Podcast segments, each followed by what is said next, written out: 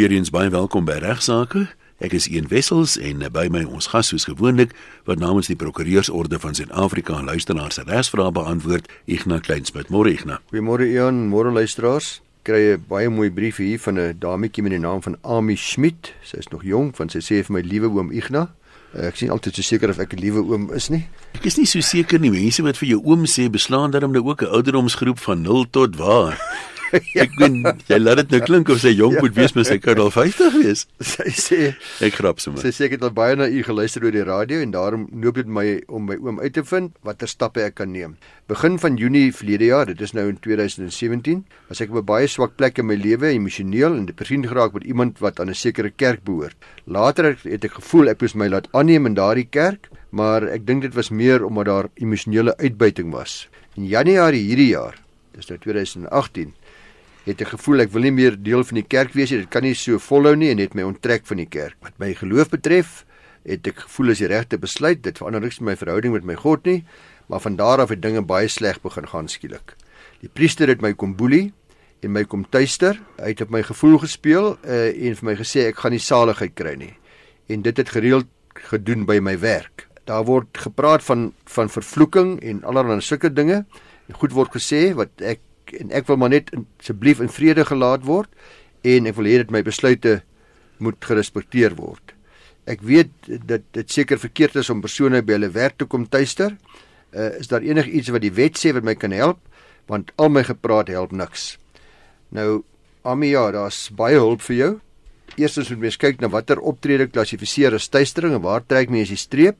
En in terme van die wet op beskerming teen tuistering is 'n wet van 2011 het die woord tuistering 'n baie breë omskrywing. Julle sal onthou op hierdie program het ek 'n paar maal ook verwys na die wet op gesinsgeweld uh waar waar mens beskerming ook kry teen tuistering wat meer uit 'n gesinssituasie of 'n verhoudingssituasie voorspruit, nie net gesinne nie, maar die hierdie nuwe wet het tuistering 'n baie baie breër definisie gegee as net dit wat op gesinne of op uh verhoudings tussen mense van toepassing is. 'n Tuistering beteken enige direkte of indirekte optrede wat die oortreder weet of eintlik behoort te weet dat hy besig is om jou te pla, om jou te tuister.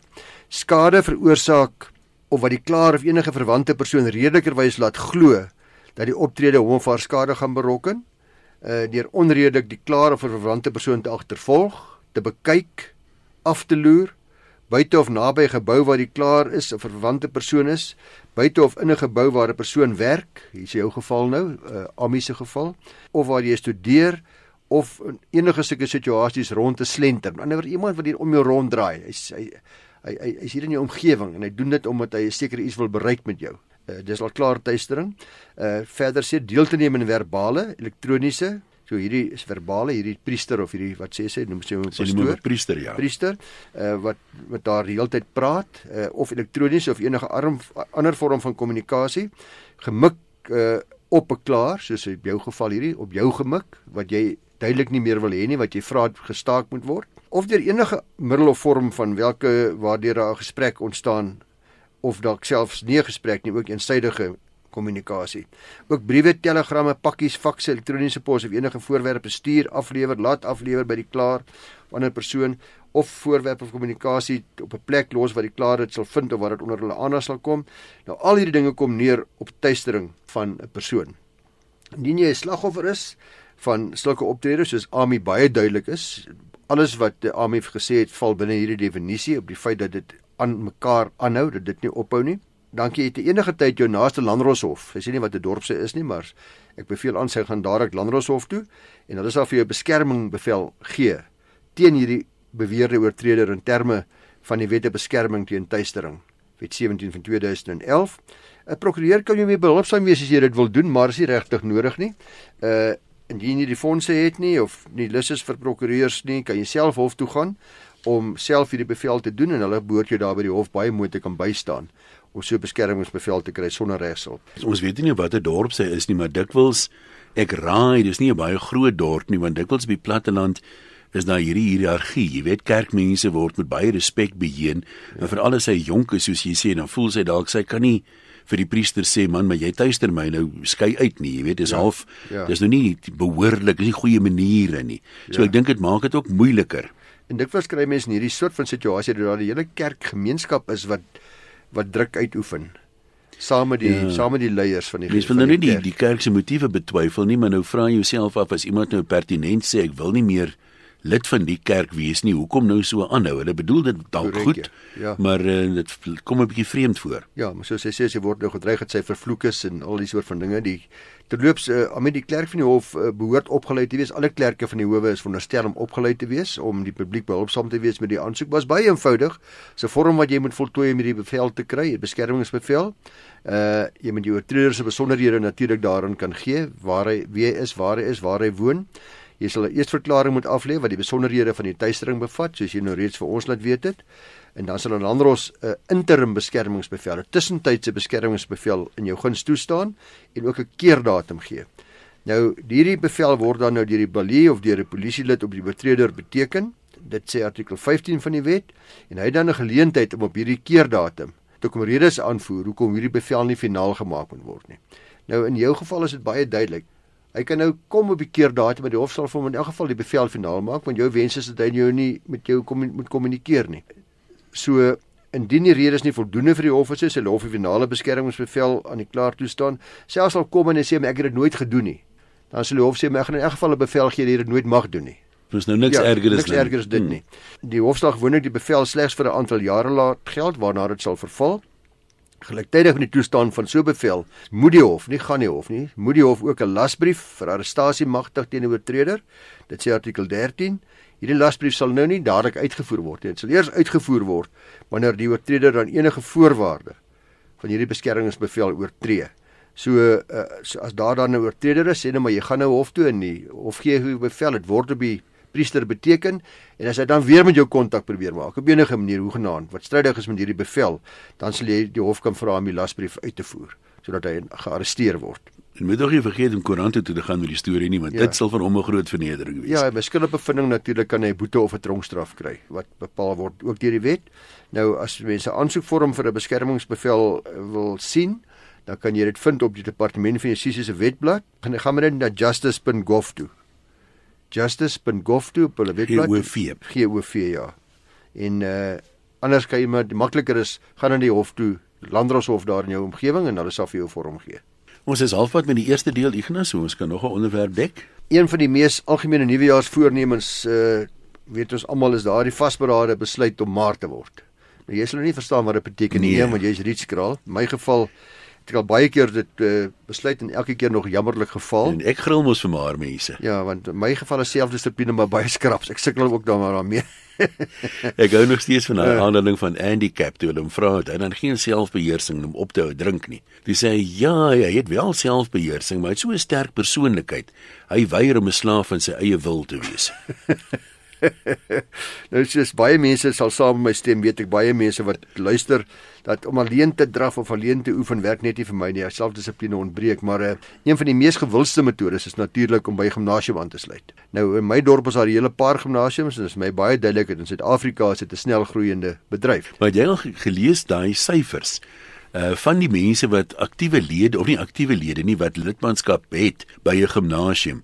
Dis iets soos net 20% wat gereeld gaan oefen Hulle sê as daai ander 80% opdaag, dan bars daai plek uit sy nate uit. Hulle kan dit nie akkommodeer nie, want hulle werk by daai aansoeke in dat die meeste mense kom vir 'n week of twee of 'n maand en bly dan weg. Ja, dis presies waaroor ek wil praat met ons luisteraars want dit is uh, op 'n sekere stadium as jy vasbeslote het jy gaan vir jare daar wees en jy gaan 'n kontrak teken en dis later as jy baie spyt daaroor want uh, die woema is ontbreek ensovoorts nou 'n prokureursfirma met die naam van C&A Friedlander het vir my 'n nuusbrief gestuur met baie oulike wenke vir diegene wat van voorneme is. Vrede half te minder. Regswenke om by regswenke ja. aan te sluit.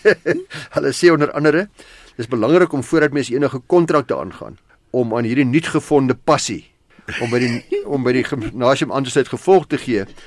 Jy eers net so 'n paar tree moet terug staan en dis eintlik maar die belangrike deel van wat ons hier gaan sê vir ons luisteraars. Staan net so 'n paar tree terug en gaan net ook eers die terme van die ooreenkoms behoorlik na.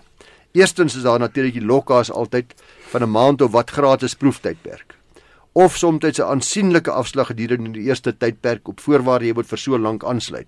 Oorweeg dus eers presies watter van die fasiliteite jy wel gaan gebruik. Kom ek sê so, hoe langer jy nie gaan nie, hoe goedkoper raak dit. Ja. Oorweeg hoe lank jy dit gaan gebruik, oor hoe lank termyn jy dit wil gebruik. Weeg op al die ander opsies en faktore soos byvoorbeeld die reistyd na die plek toe, die reiskoste na die gimnasium toe, presies wat hulle vir jou aanbied en al die dinge. Hulle wys regte op hierdie firma C en Afrietlander dat die meeste gimnasiums ook yoga klasse en pilates uh, studios aanbied wat nie altyd werklik voldoen daar kan u individuele vereistes met betrekking tot daardie dinge wat tyd vat wat u of wanneer u kan bywoon die tyd wat u werk ensovoorts nie die afstand nie. Uh so maak seker wat gaan u werklik gebruik, wie die moeite werd is. Watter fasiliteite is dit en wat kos dit? Hou veral gedagte dat die verbruikersbeskermingswetgewing op so 'n gimnasiumkontrak van toepassing is. Dis belangrik om dit te weet dat hierdie wet onbillike kontrakte beskou as nulgener waarde en onafdwingbaar en belangrik is dat in terme van artikel 48 van die verbruikersbeskermingswet sal 'n kontrak onbillik wees as dit so onbillik of onredelik is dat daar 'n duidelike wanbalans is tussen die regte van die gimnasium en die kliënt.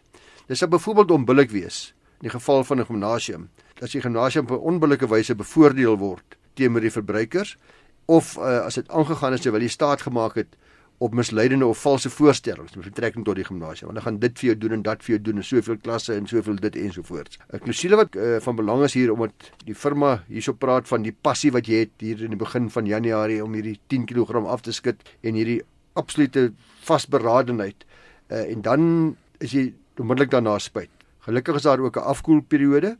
In terme van artikel 16 van die wet moet gimnasium kontrakte voorsiening maak vir 'n minimumperiode van 5 dae waarin u nog kan afkoel nadat jy die kontrak geteken het. Natuurlik is dit veral vir ons wat in die hitte van die oomblik nadat ons 'n paar uh, kilogram gewig aangesit het in die begin Januarie se oë toe knip sommer net kontrak teken en dink dit gaan sommer baie lekker wees, maar maak verder seker dat u bewus is van presies vir watter termyn u teken. Die meeste kontrakte vir gimnasiums is net vir 'n jaar of 2, maar dikwels is daar ook outomatiese hernuwingsklausule ingesluit. Dit is nogal belangrik. Dit het ek 'n paar maal gesien wat u dalk liewer wil uithaal Uh die verbruikerswetgewing help weer hier, dis die kontrak mag nie langer wees as 24 maande nie. En indien daar wel 'n outomatiese hernuwingsklausule is, dan is die gimnasium verplig om jou kennis te stel van enige wesentlike veranderinge aan die terme van die ooreenkoms. So hierdie prokureurs gee dis die goeie advies dat u moet nie net u gimnasiumkontrak soos enige ander ander kontrak ook maar net blindelings teken nie. Jy moet seker maak dat jy weet wat al die klausules sê, veral ook seker maak hoe die kontrak beëindig kan word en wat die kansellasie fooie is indien jy die kontrak gedurende die loop van die kontrak vroeër wil beëindig. Baie belangrik. Maak seker of jy dalk na 6 maande kan beëindig as jy sou wil, veral wanneer dit winter word. Onthou dan net soos enige ander kontrak, jy normaalweg gebonde aan die gimnasiumkontrak. Sodra die afkoelperiode verstreke is, moet jy natuurlik die verpligtinge behoorlik terme daarvan nakom. Dit maak nou nie meer saak of jy 3 keer 'n week gaan in Januarie en net 1 keer 'n maand gaan in Junie en Julie nie jy gaan nog steeds die volle maandelikse paaiement betaal soos een aan die begin gesê het. En daarom is dit belangrik om mooi te dink en seker te maak dat jy van voorneme is om die nuwejaarsvoorneme met dissipline en daadkrag uit te voer vir die volle termyn waarvoor jy die ooreenkoms gaan teken. Ja, beste vir jouself is seker maar om 'n gewoonte te maak om gereeld te gaan. Hulle sê altyd met hierdie goed is dit dieselfde tyd, sien jy dieselfde tyd dag, dag van die week, oggend, aand kies dan raak dit baie makliker, maar baie sterk dan almal wat gewig wil verloor. Net weer 'n vinnige herinnering as jy regsvrae wil stuur vir Ignas om te beantwoord, kan jy dit direk aan hom stuur by ignas@ffd.co.za. Hou dit in gedagte dat ons die vrae gebruik om jou regskwessies daar te bespreek en dit Ignas nie aktief betrokke kan raak by jou spesifieke hofsaak of wat die geval ook al mag wees nie. Ook mense wat uh, so soms wonder waaroor het ons gepraat of weer na iets wil luister, die maklikste manier is gaan na die webwerf toe rsg.co.za, so links bo aan die bladsy klik jy op pot gooi, dan gebruik jy regsaake as sleutelwoord en uh, soek en as al die regsaake programme is opgeneem, dis beskikbaar daar vir jou weer na te luister, af te laai op jou rekenaar as jy sou wou en daar is by elke dag se programme ook 'n kort opsomming van die verskillende onderwerpe wat ons daar behandel het, so dit behoort jou 'n indikasie te gee van waaroor daar gesels is en of ons dalk daai dag jou vraag beantwoord het. Dankie Ion. Ek het 'n baie hartseer en 'n baie emosionele skrywe ontvang van 'n moeder van Riebeek Wes. Ek gaan net deeltjies daarvan voorlees. Uh sy begin net te sê Ignas, hierdie is 'n noodkreet, jy moet ons help. My senuwees is gedaan en ek het nie meer trane nie. Sê sy my 15-jarige dogter is 'n briljante kind en ons jongste. Met die Here se genade het ons ander twee kinders reeds al by matriek gemaak, hulle ook al by werk. Nog nie een is getroud nie, maar ons het wel al twee wonderlike kleinkinders. Sê die moeilikheid wat ek oor wil skryf is dat ons laatlam vir ons eergisteraand gesê het dat sy swanger is en het sy reeds by die kliniek bevestiging ontvang. Sy sê my man was dronk toe sy dit vir ons vertel het net aangerand. Ek was net keenig gelukkig dat sy net te seer gekry het nie. Die rede vir my gehuilery is dat my kind vir ons ook gesê het dat sy reeds besluit het om vir 'n abortus te gaan en sy kliniek dit blykbaar vir haar reël en die kliniek het reeds goedgekeur. Ek het gister na die kliniek gegaan en nog 'n groot moles daar gemaak. Sy sê sy 'n bietjie meer van wat sy daar gedoen het, maar sy sê sy het moles daar gemaak. Sy sê ek's 'n Christen mens en ek dink abortus groot sonde is en dat my kind nie regtig weet wat sy doen nie. Die mense by die kliniek het egter vir my gesê ek het geen sê nie en dat my dogter se woord hieroor wet is. Ek nee, jy moet ons help. Ek en my man as ook God sal haar nooit vergewe as sy 'n borsie kry nie. Wat kan ons doen? Dit kan tog nie wees dat 'n kind se woord sterker is as haar ma en pa se woord nie. Die dame sê God sal haar nie vergewe nie. Ja. Dis nog 'n sterk ding om te sê namens God man, te praat. Ek en my man as ook God sal haar nooit vergewe nie. Jy sien, dis 'n teologiese standpunt wat sy handhaaf, 'n godsdienstige mm. standpunt dat uh, abortus sonde is. Ons grondwet erken luisteraars reproduktiewe gesondheid as 'n mensereg. Is daar dan 'n wet ook wat die regsraamwerk vir hierdie reg bepaal? En word hierdie wet genoem die wet op die keuse van beëindiging van swangerskap. Nou hierdie wet laat toe dat daar 'n borsie kan plaasvind op versoek tot en met die 12de week van swangerskap. En die wet meld dat dit deur 'n verpleegsuster of 'n dokter gedoen moet word. Om ons luisteraars se navraag te beantwoord, sê die wet baie spesifiek dat vir enige abortus is daar ingeligte toestemming nodig. Nie toestemming nie, informed consent, ingeligte toestemming nodig Daarom is 'n behoorlike gesprek met die vrou of die meisie wie dame plaasvind sodat sy presies weet wat dit alles behels. Maar ongelukkig en hierby kan ons lank debat voer of gelukkig is dit net die swanger persoon se toestemming hiervoor nodig en dis nie vir ons op hierdie program om te sê of dit reg of verkeerd is nie. Ongeag die ouderdom al is die persoon minderjarig. Kom daarby dit geld ook waar die swanger dogter minderjarig is. Presies. En die toestemming van haar ouers of haar voogde of enige ander familie word nie vereis vir 'n abortus nie. So ma en pa se toestemming is nie nodig nie. Ongeag of sy minderjarig is, die persoon wat haar inlig moet egter, dit sê die wet baie duidelik, ten einde te verseker dat daar ingeligte toestemming is en sy alles mooi verstaan, daai persoon het 'n plig om haar mee te deel. So hy gaan vir haar sê die persoon by die kliniek waarskynlik in hierdie geval, dit werk so en so en so, dis hoe dit gaan werk, dis die risiko's, dis so ensovoort. Ek neem aan daar's ook 'n vorm wees waar jy moet teken ek correct. ek ken dit bogenoemde aan my meegedeel is te verstaan. Maar daai persoon het 'n plig om haar mee te deel dat sy ook met haar ouers of haar voog moet bespreek. So ja, sy het nie toestemming nodig van die ouers of voog nie, maar sy moet dit met hulle bespreek uh, en dit moet versoek word deur hierdie persoon wat dan beskou word as die persoon wat haar inlig. Hierdie ingeligte toestemming of gesprek dan oor 'n abortus moet gevoer word deur die dokter of die suster wat die abortus gaan uitvoer. Jy moet dit self uitvoer, nie 'n suster daar of 'n klerkie of 'n jong verpleegster nie. Die persoon wat dit self gaan uitvoer moet die konsekwensies mooi verduidelik sodat dit ingeligte toestemming is. Daar word onder andere aangedui dat die pasiënt moet die prosedure wat gevolg word verstaan. Sy moet weet wat die verwagte uitkoms daarvan gaan wees en ook die beheer oor pyn, ongemak, bloeding ensovoorts wat daarna kan volg begryp. Haar mediese geskiedenis is dus belangrik. Ek mag ook net meld dat dit onwettig is om abortus te probeer werf deur advertensies of ook advertensies wat sekere prosedures buite goedgekeurde gesondheidsfasiliteite adverteer is onwettig en natuurlik natuurlik ook baie gevaarlik. Vir inligting oor abortus kon ek slegs een webwerf opspoor, ek glo daar's meer. Ek het vinnig gekyk, is naamlik in uh, die Sexual and Reproductive Justice Coalition. Dis 'n webwerf van die Sexual and Reproductive Justice Coalition. Daar sal jy die vorms kry en alles wat ek nou gesê het, vind mens ook daar een ek het nou die regsproses verduidelik, maar ek sou graag ook wou troos gee in hierdie moeder se hartseer bietjie wil aanspreek, want die hele kwessie van wettiging van abortus was baie deeglik en baie hewig gedebatteer. Daar's natuurlik baie argumente daarvoor en daarteen. Nou ek gaan nie namens die prokureursorde van Suid-Afrika 'n uh, mening uitspreek nie, behalwe om vir die ouers aan te beveel om dalk hulle dogter te ooreed om saam met hulle te gaan na 'n persoon in hulle omgewing wat hulle van goeie berading en ook mediese advies kan voorsien. Nie noodwendig net by die kliniek nie. Ek ken niks ken nie die kliniek nie en ek niks daarteen nie, maar miskien maar net ander berading ook aanbeveel vir die dokter. Die dokter kan niks verloor nie. Dit blyk duidelik uit hierdie skrywe dat die oupa en ouma geen probleem het om te help met die grootmaak van die ongebore klein ding nie. Sy het dit op ander ek het dit nie gelees nie, maar sy is hulle sê so. En dit word ook nie in die brief uitgespel waarom die kind spesifiek aandring op 'n abortus nie. Hulle sê net die dokter sê sy wil 'n abortus hê. Sy gaan dit doen. Ek het reeds tydens 'n vorige program 'n tyd gelede daarop gewys dat 'n skool nie geregtig is byvoorbeeld om 'n swanger leerling te verbied om verder skool toe te gaan nie. en behoort dus nie 'n onherroepelike skade aan te rig aan haar skoolloopbaan nie. Al die dinge moet mense vir hulle probeer verduidelik, dat hulle alles mooi verstaan. Uh terloops ek het ook al op hierdie program skrywers gekry wat totaal teenoorgestel is van hierdie moeders in. Uh naamlik skrywers wat vra dat die moeder, wat kan die moeder doen om haar dogter te verplig om haar borsie te ondergaan? Maar die moeder van mening is dat die uh swangerskap dan die hele toekoms van die kind gaan vernietig, gaan benadeel of onwrig. En in daardie geval is dit weer die jong moeder wat daarop aandring om haar baba te kry en selfs groot te maak. Nie teenstaande die aansienlike opofferinge wat daarmee gepaard sal gaan vir die minderjarige ma.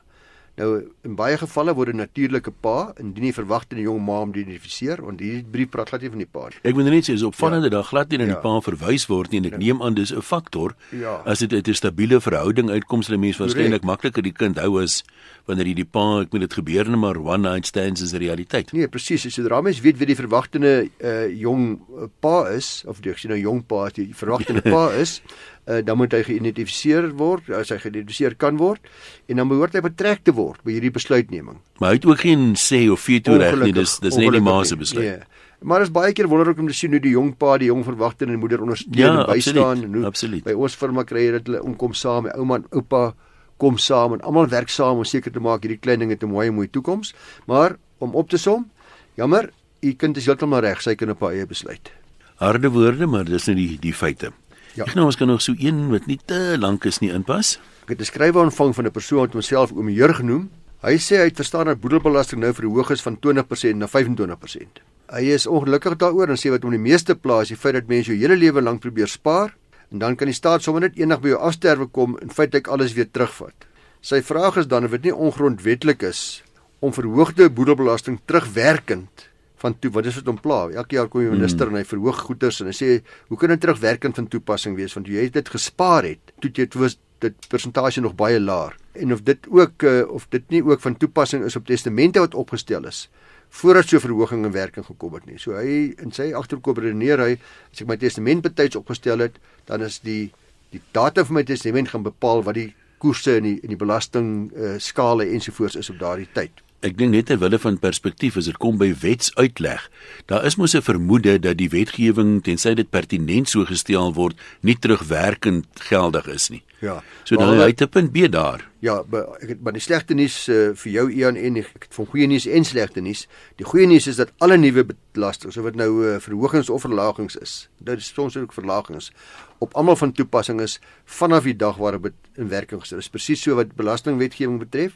Jy is heeltemal korrek dat daar uitsonderings is wat betref terugwerkendheid van van wetgewing, uh, maar belastingwetgewing is spesifiek van toepassing op almal vanaf die dag wat dit in werking gestel is as dis glad nie terugwerkend van toepassing nie, maar is op jou van toepassing vanaf die dag van aankondiging.